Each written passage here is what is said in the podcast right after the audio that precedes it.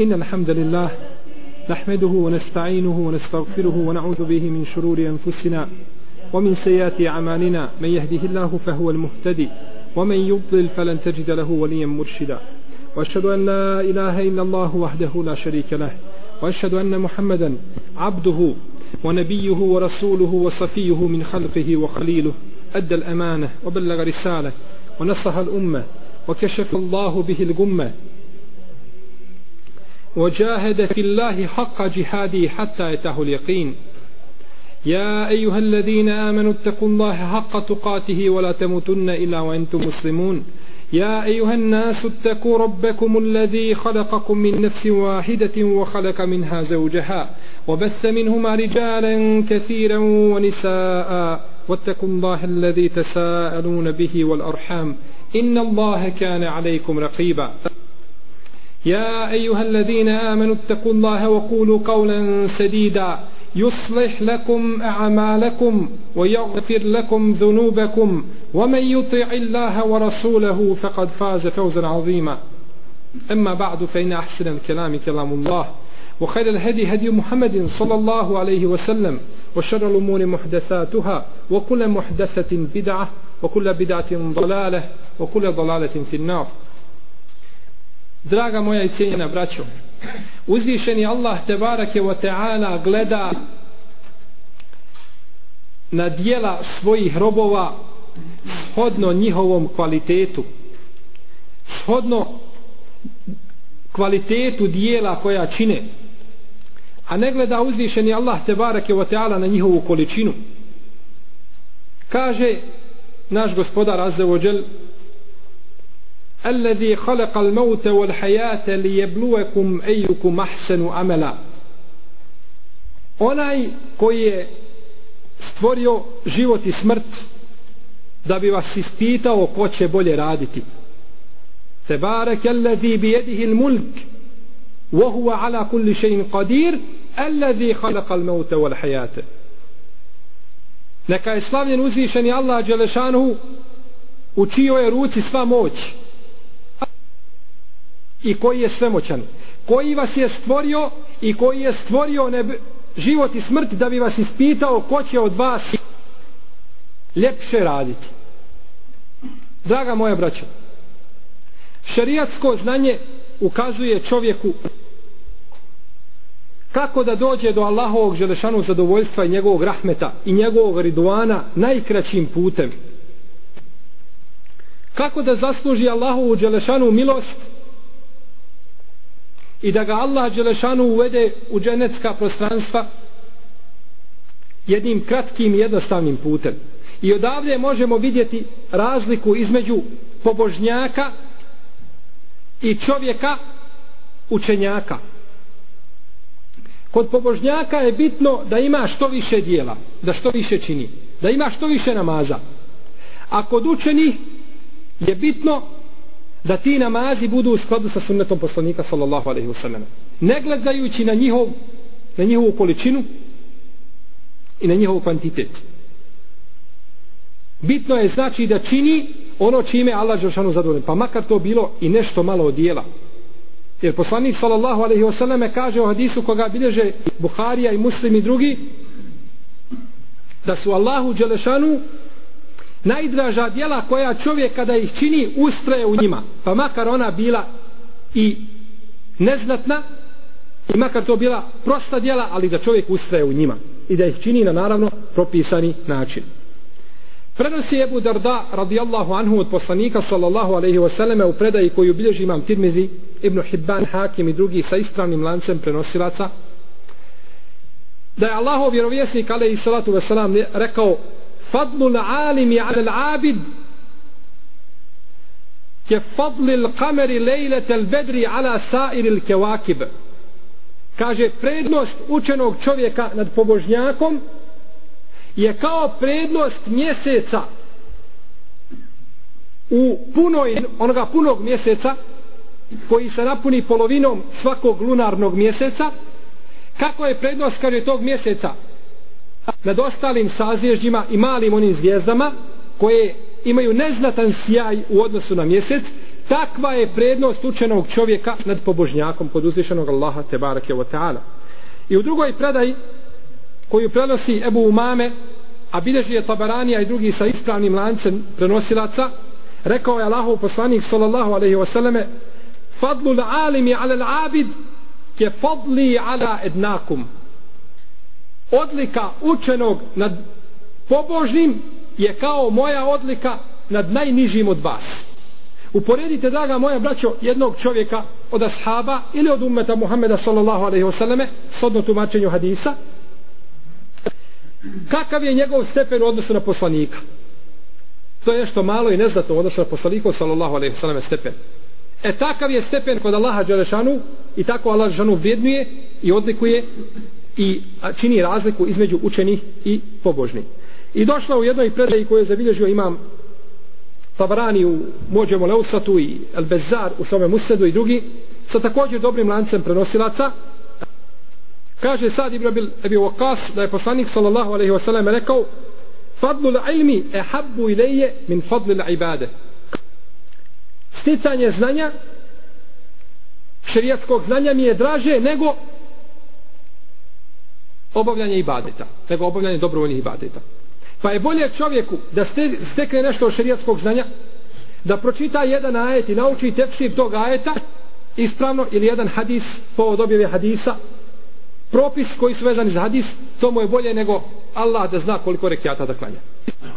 Jer znanje se vraća vraća čovjeku i vratit će se drugima uvijek će po njemu postupati. A ibadet koji čini samo se vraća njemu i to ostaje kod njega zato je puno vrijednije sticati znanje od samoga ibadeta iako čovjek ne treba ovaj uskratiti pravo ni jednom ni drugom ovaj jeli, putu do Allahovog žršanu zadovoljstva draga moja braćo, Kazali smo da znanje čovjeka vodi da dođe do Allahovog rošanu zadovoljstva kratkim putem, da zasluži Allahovu milost. Mi ćemo uz Allahovu tebareke o teala pomoć govoriti večeras o jednom od tih puteva koji vode čovjeka do Allahove milosti i može na jedan veoma jednostavan način da zasluži Allahov rahmet i da ima lijepu konačnicu kod svoga gospodara Tebarake Vata'ala. A to je dobročinstvo roditeljima.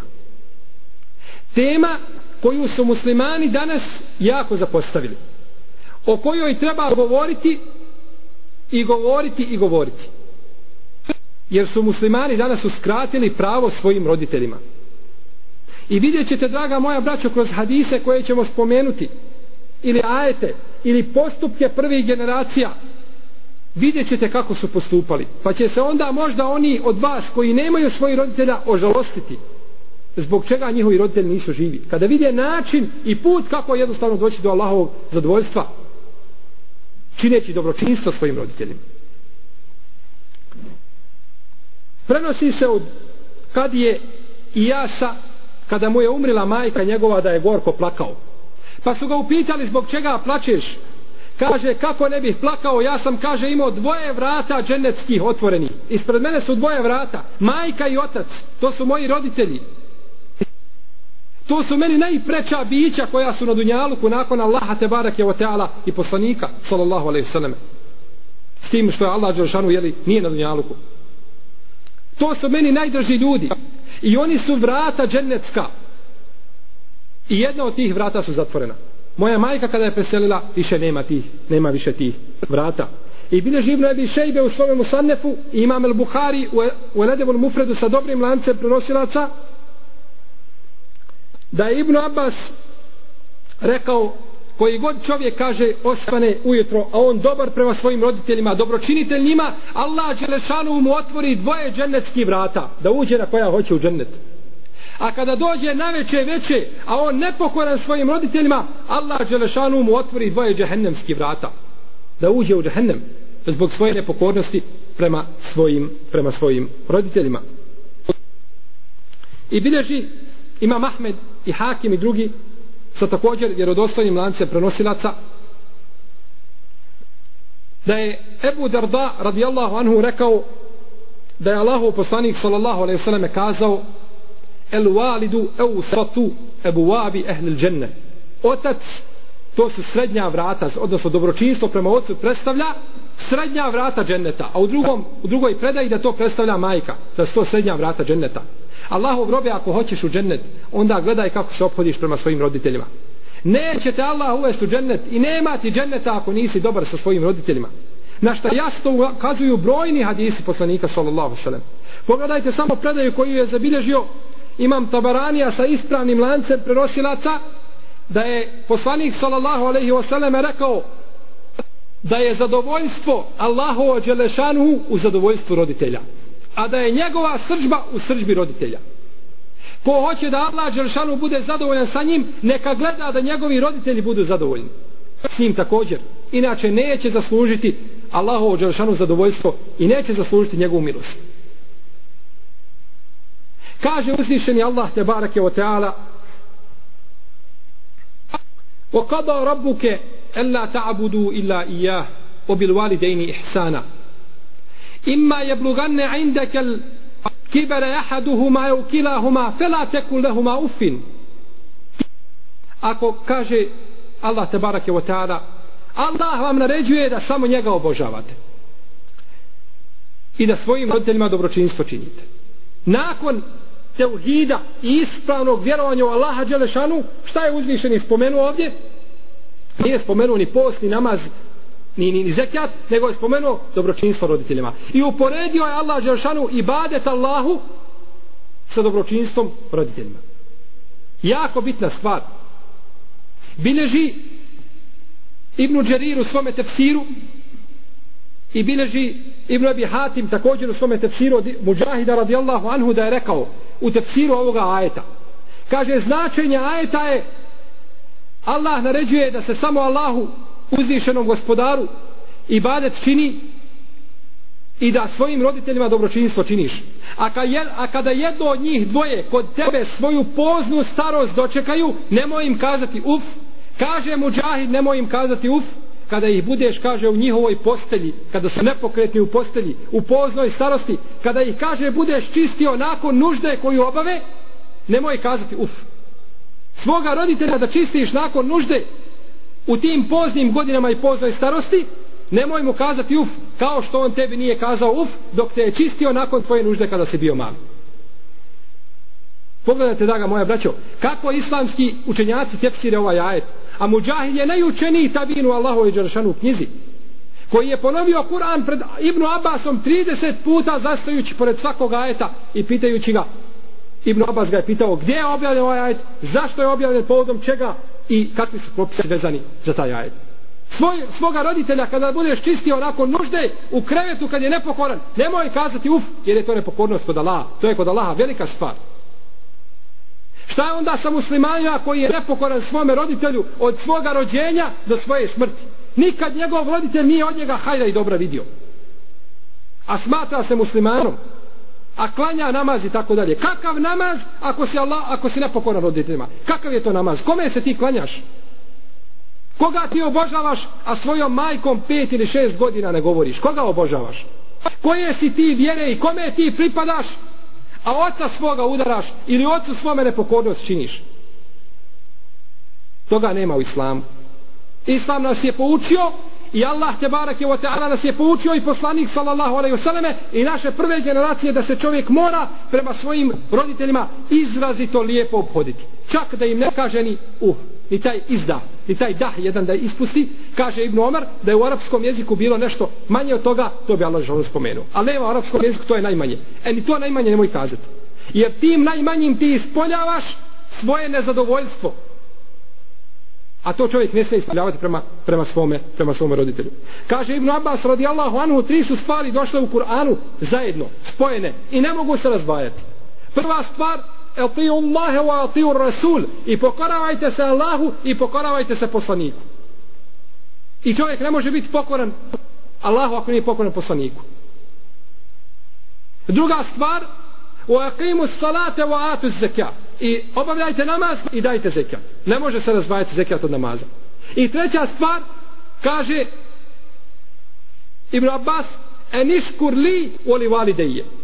O ilejen masir da si zahvalan meni, kaže Allah Đelšanu, da si zahvalan meni i roditeljima svojim.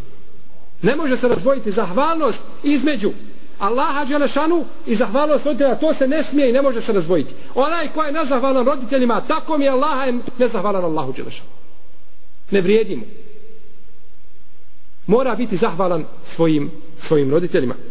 Bileži imam El Buhari u svome dijelu El Edebul Mufred imam El Ibnu Rašidu El Džamija i drugi od Tajsale Ibn Mejasa a ovaj Tajsale to mu je nadimak a ime mu je Ali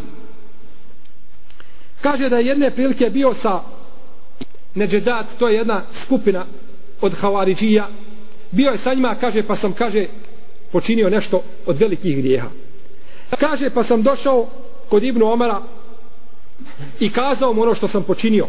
Pa mi je rekao kaže imaš li ti majku? Pa je rekao imam.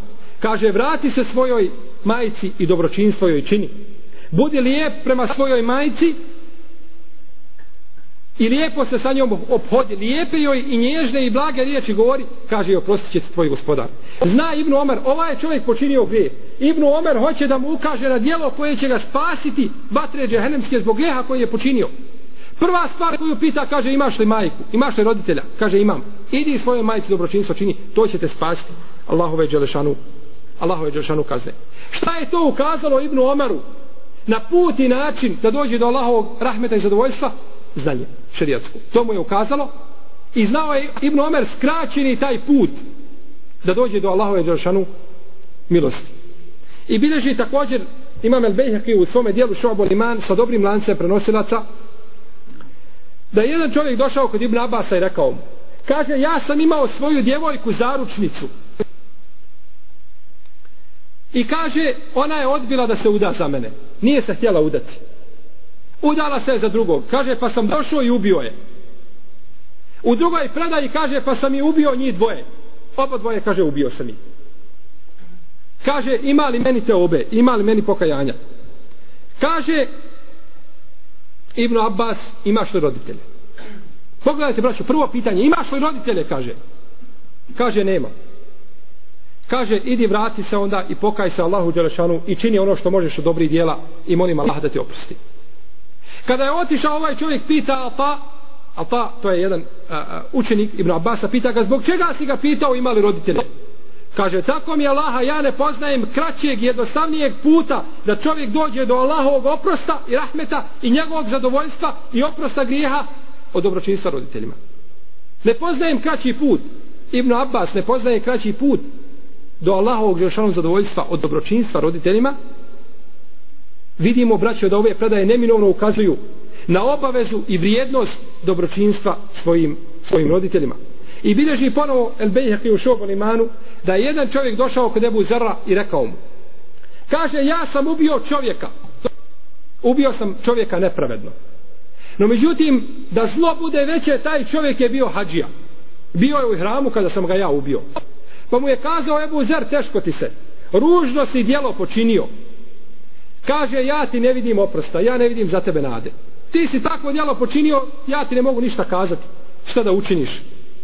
Da te Allah oprosti. Osim kaže jednu od tri stvari da učiniš. Kaže nema smetnje i nema problema ja ću učiniti sve što kažeš. Koje su to tri stvari? Kaži mi da učinim jednu od njih. Kaže možeš li ga kaže oživjeti? Kaže ne mogu. Ubio sam čovjeka kako da ga oživim? Kaže, možeš li biti da ne umreš nikako? Da ne dođeš pred Allaha Đeršanu? Kaže, ne mogu. Kaže, možeš li, kaže, da prokopaš jedan tunel kroz zemlju i da pobjegneš negdje u zemlju? I možeš li napraviti sebi stepenice u nebeske svodove da pobjegneš u nebesa? Pa da te niko više ne vidi? Kaže, ne mogu. Onda mi se kaže, gubi sa očiju. Ne vidim ja za tebe više dobra i hajra. Taj je čovjek izišao i počeo je da plaće povišenim glasom. Kada je to čuo Ebu Horeire, pomislio da je umro neko od njegovih prisutnih i bližnjih, pa ga je počeo smirivati, kaže, Allahov robe smiri se, da ti Allah nagradu, budi čvrst kroz iskušenja i tako dalje. Pa su mu rekli, nije njemu niko preselio od prisutnih, od njegovih a, bližnjih, već se desilo to i to, ubio je hađiju. Pa kaže Ebu Horeire njemu, pita ga Ebu Horeire, onda kaže, imaš li ti roditelje? Ebu, Ebu Horeire ponavlja istu stvar koju je kazao Ebu Zer. Imaš li, kaže roditelj? Kaže, nema. kaže, idi, kaže, izađi na Allahovom putu i bori se u džihadu. Kažu, pa je izišao i otišao da se bori u džihad. Kada je to čuo Ebu Horeire, pomislio da je umro neko od njegovih prisutnih i bližnjih, pa ga je počeo smirivati, kaže, Allahov robe, smiri se, daći ti Allah nagradu, budi čvrst kroz iskušenja i tako dalje. Pa su mu rekli, nije njemu niko preselio od prisutnih, od njegovih a, bližnjih, već se desilo to i to, ubio je hađiju. Pa kaže Ebu Horeire njemu, pita ga Ebu Horeire, onda kaže, imaš li ti roditelje? Ebu, Ebu Horeire ponavlja istu stvar koju je kazao Ebu Zer. Imaš li, kaže roditelj? Kaže, nema. Kaže, idi, kaže, izađi na Allahovom putu i bori se u džihadu. Kažu, pa je izišao i otišao da se bori u džihadu.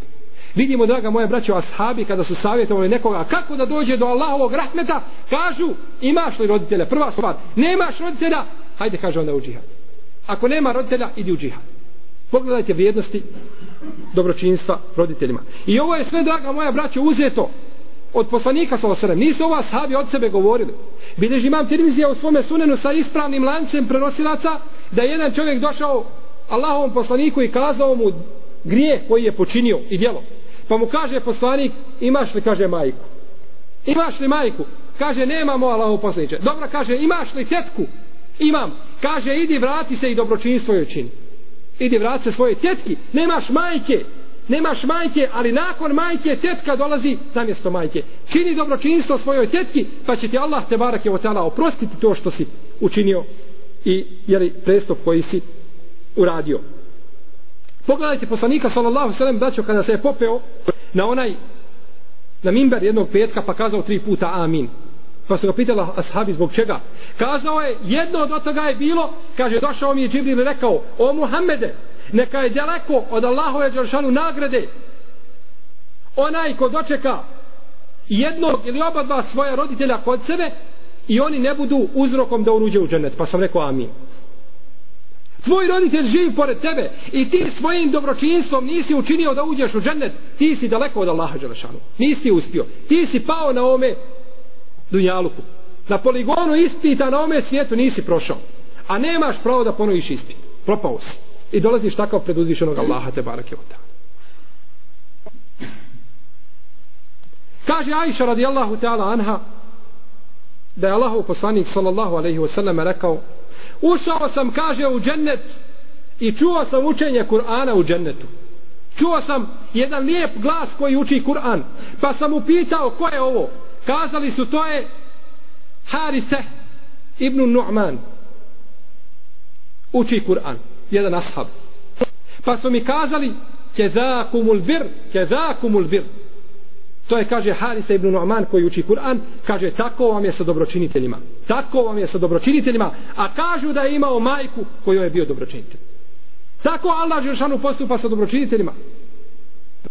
Bilži ima muslim u svome sahihu da je poslanik sallallahu alaihi wasallam rekao hajru tabi'in uvejs uvejs al-qarni najbolji kaže tabin koji će se pojaviti nakon ashaba je Uvejs.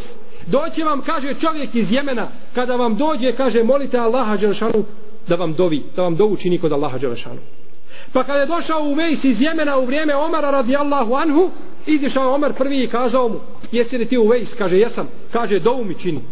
Kaže o vladaru pravovjedni, zar ja tebi da dovu činim, a ti si taj taj, ti si onaj za koga je poslanik sallallahu alaihi wasallam rekao, da nakon mene ima poslanika, to bi bio Omer, i ti si onaj za koga je poslanik rekao, šeitan kada sretne Omera na putu, bježi na drugi dio puta, i svi fadileti koji govore Omeru, i da ja tebi dovim, kaže da, ja sam čuo Allahovog poslanika da je rekao, kada vam dođe u vejs, neka vam dovi, kaže on je dobročinitelj prema svojoj majici cijelom jednom društvu čovjek do, dovi i dobro im čini zato što je dobročinitelj svojoj majci. Pa čak i Omeru, da, čak i Omeru. To je dobročinstvo prema roditeljima. Tako nas Allah te barak je oteala poučava naš muslimane da, da se obhodimo prema svojim roditeljima. I nema čovjeku niko preći na dunjalku od njegovih, od njegovih roditelja. Kaže Ibnu Mesaud radijallahu anhu da je poslanik sallallahu alaihi sallam rekao nakon što je upitan koje je djelo najbolje rekao je es salatu li vaktiha namaz u pravo vrijeme da se obavi namaz u pravo vrijeme potom birrul validejni potom el džihadu fi sebilillah Namaz u njegovo vrijeme. Nakon namaza, dobročinstvo roditeljima. Nakon dobročinstva roditeljima, džihad na Allahovom putu. Pogledajte kako po, poslanik sallallahu alejhi ve stavlja ovdje dobročinstvo roditeljima ispred džihada na Allahovom putu. Što neminovno ukazuje na vrijednost i obavezu. Jer je namaz kaj u njeno vrijeme strogi farz i stroga obaveza. Džihad je farz ljudima u određenim momentima. I onaj ko umre, a ne bude svoju dušu nagovarao na džihad, kaže poslanik umreće kao a, a, smrću džahilijeta i paganstva. I šta uz to dolazi? Dobročinstvo roditeljima. Nikako. Ne može bez dobročinstva, bez dobročinstva roditeljima. Bileži Ebu Davud, ima Mahmed, Ennesaj i drugi, da je jedan ashab braćo došao kod poslanika sallallahu alaihi wasallam i rekao, kaže dajem ti prisegu na džihad na Allahovom putu i borim se s tobom. Došao sam da iziđem s tobom u vojni pohod, a kaže ostavio sam svoje roditelje plačući. Plaču zato što sam ja izišao. Pa mu kaže poslanik sallallahu alaihi wasallam, idi i vrati se i razveseli ih onako kao što si rasplakao. Ne možeš ti izaći sa mnom u džihad i u vojni pohod, a ti ostavio svoje roditelje da plaču, oni nezadovoljni s tobom. To Allah Želšanu ne prihvata. Idi, kaže, i vrati se, pa ih razveseli kao što si, kao što si ih rasplakao. Bileži ima muslim u svome sahihu, da je Ibnu Omer jedne prilike izišao iz Medine u Meku. Pa je na putu sreo jednog pustinjaka. Pa mu je rekao, jesi li ti taj i taj? Kaže, jesam. Pa je, Ibn Omer je imao sa sobom konja koga je jahao i mazgu. Pa je mijenjao, jedan put jahao konja, drugi put jahao mazgu. Tako da se jedna uvijek od jahalica odmara. Tako da bi neprestano ovaj bio u putu. Ibn Omer je istog momenta odrezao jednu od jahalica i dao mu. I skinuo mu je svoju kapu sa glave, pokrivač glave, koji je jako bitan u tim pustinskim žegama, i dao mu je svoj ručak. Pa mu je Nafija rekao koji je bio sa njim, kaže, zbog čega si to učinio? Kaže, pustinjaci su ljudi koji se zadovolje sa malo stvari. Oni su skromni. Ne traže puno. Kaže, tako mi Allaha, kaže, ovo je čovjek bio, kaže, prijatelj Omara radi Allahu anhu, moga babe. On je bio njegov dobar prijatelj. A poslanik, sa je rekao, čuo sam, kaže, poslanika da je rekao, da je najbolje dobročinstvo da se čovjek lepo ophodi prema prijateljima svoga oca nakon njegove smrti. Najbolje dobročinstvo. Poslanik sallallahu alejhi ve sellem je ima običaj kada se nešto zakolje, žrtva neka kada se prinese, ima običaj da pošalje to prijateljicama Hatidže radijallahu ta'ala anha. Da njima pošalje nešto od tog mesa. Pa kaže Ajša radijallahu anha, pa sam ja, kaže, osjetila ljubomoru u svojoj duši. Ženska posla. Pogodila je ljubomora. Pa kaže, pa sam rekao jedne prilike poslaniku, kaže, o Allahov poslaniće, zbog čega spominješ tu staricu Mani se više. Zati Allah Želšanu nije dao bolju i ljepšu i mlađu od nje? Pa, pa je rekao poslanik sa tako mi Allah, nikad mi Allah Želšanu nije dao ni ljepšu, ni mlađu, ni bolju od nje. Kaže Ajša, pa sam kaže nakon toga, kaže nikad mi nije više palo na pamet da je uvrijedim. Poslanik sa je nastoja da održi lijepe, znači te kontakte i odnose sa prijateljicama Hatidže svoje žene. Pa šta je onda sa, šta je onda sa majkom i sa ocom? Koji su preči od žene. Tako mi Allaha žena na odno, u odnosu na majka, na majku i oca ne predstavlja osim jednu malu sitnicu. Ne može se nikada žena staviti ispred majke niti ispred oca. Majka i otac su prvi na prvom mjestu i oni imaju sva prava. Apsolutna prava imaju kod čovjeka. Zubeir ibn Awam je imao dvoje, svoje dva sina. Jedan se zvao Abdullah, a drugi se zvao Urvaj. Abdullah je prvo novorođenče koje je se rodilo u Medini. Kaže Abdullah, nakon smrti Zubeira moga oca, godinu dana nisam nikome dovio nego svome ocu. Kada god bi pao Allahu Đelšanu na seždu godinu dana, uvijek bi molio Allahu Đelšanu da oprosti mome ocu Zubeiru. Ne bi ni sebi dovio, ni svojoj ženi, ni svome djetetu, ni svojoj majci, nego svome ocu koji je preselio. A kaže Hafsa, kćerka Urveta, kaže nisam čula urveta nakon smrti njegovih roditelja nikada kaže da je učinio seždu a da nije zaplakao na seždi i kazao gospodaru moj Zubeir, gospodar moj, Esma, oprosti im, gospodar moj. I plakao mi na seždu, moleći Allaha Đelšanu da im, da im oprosti. Pogledajte, draga moja braćo, El Fadla ibn Jahju, jednog islamskog pobožnjaka i učenjaka, kojega su jedne prilike nepravednici zatvorili u zatvor skupa sa njegovim ocom. Njegov otac je imao posebnu alergiju i nije se mogao abdestiti hladnom vodom. Taj Fadl je tražio, Fadl ibn Jahja, je tražio za svoga oca Jahju, je tražio od stražara malo drva da mu ugrije vode da se može abdestiti. Pa je odbio. Nije im dao drva da ugriju sebi vodu. Pa je njegov otac zaspao. No međutim, kada Allah Želešanuhu da čovjeku zdrav razum i kada mu da bogobojaznost, onda mu i otvori načina i puta da bude dobročinitelj prema svome roditelju. Kada je njegov otac zaspao, šta je učinio taj El Fadl ibn Jahja? U zidu je bila ona svijeća koja je osjetljivala tu a, zatvorsku ćeliju. Pa se popeo do te a, do tog jeli sirađa i do te svijeće koja je gorla, koja je bila u zidu. Pa je uzeo tu posudu u kojoj je bila voda i cijelu noć je okretao da bi nešto od te toplote došlo do te posude. Da bi se voda bar malo smlačila. Pa je ujutro njegov babo ustao i abdestio hladnom vodom. Pogledajte, draga moja braća, ovaj slučaj. Ko je danas od muslimana spreman da učini dio ovoga svome roditelju? Cijelo večer da provede stojeći i podignuti ruku da okreće tu posudu da bi se ona ugrijala da bi ujutru moj otac mogao abdestiti toplom vodom. To je dobročinstvo roditelju. Zar nije onaj čovjek došao iz paše koji je imao stoku? Kako bilježe Buharija i Muslim došao na veće i zakasnio jednog dana kasnio dok je pomuzao stoku da da svoje mlijeko, da da mlijeko roditeljima da piju, oni su već bili zaspali. Kada je došao, našao je svoju djecu da plaču. Djeca plaču gladna, ali nije dao djeci da piju prije roditelja. Nikako. Ne mogu djeca piti prije roditelja. Nije dijete preče čovjek od roditelja. Neka se niko ne zavarava da kaže moje dijete je meni preče od moje moga babe i moje majke koji su i onako stari. Nije tako mi Allah. Nije preče. Neka su stari. To su roditelji. Oni imaju kod tebe sva prava jer su oni bili onim drugim uzrokom i sebebom da ti dođeš na ovaj svijet nakon odredbe uzvišenog Allaha te barake o te'ala. Desio se jedne prilike slučaj na hađu da je na Arefatu izbio požar. Čovjek je boravio u šatoru sa majkom i ženom i svoje dvoje male djece. Kada je izbio požar,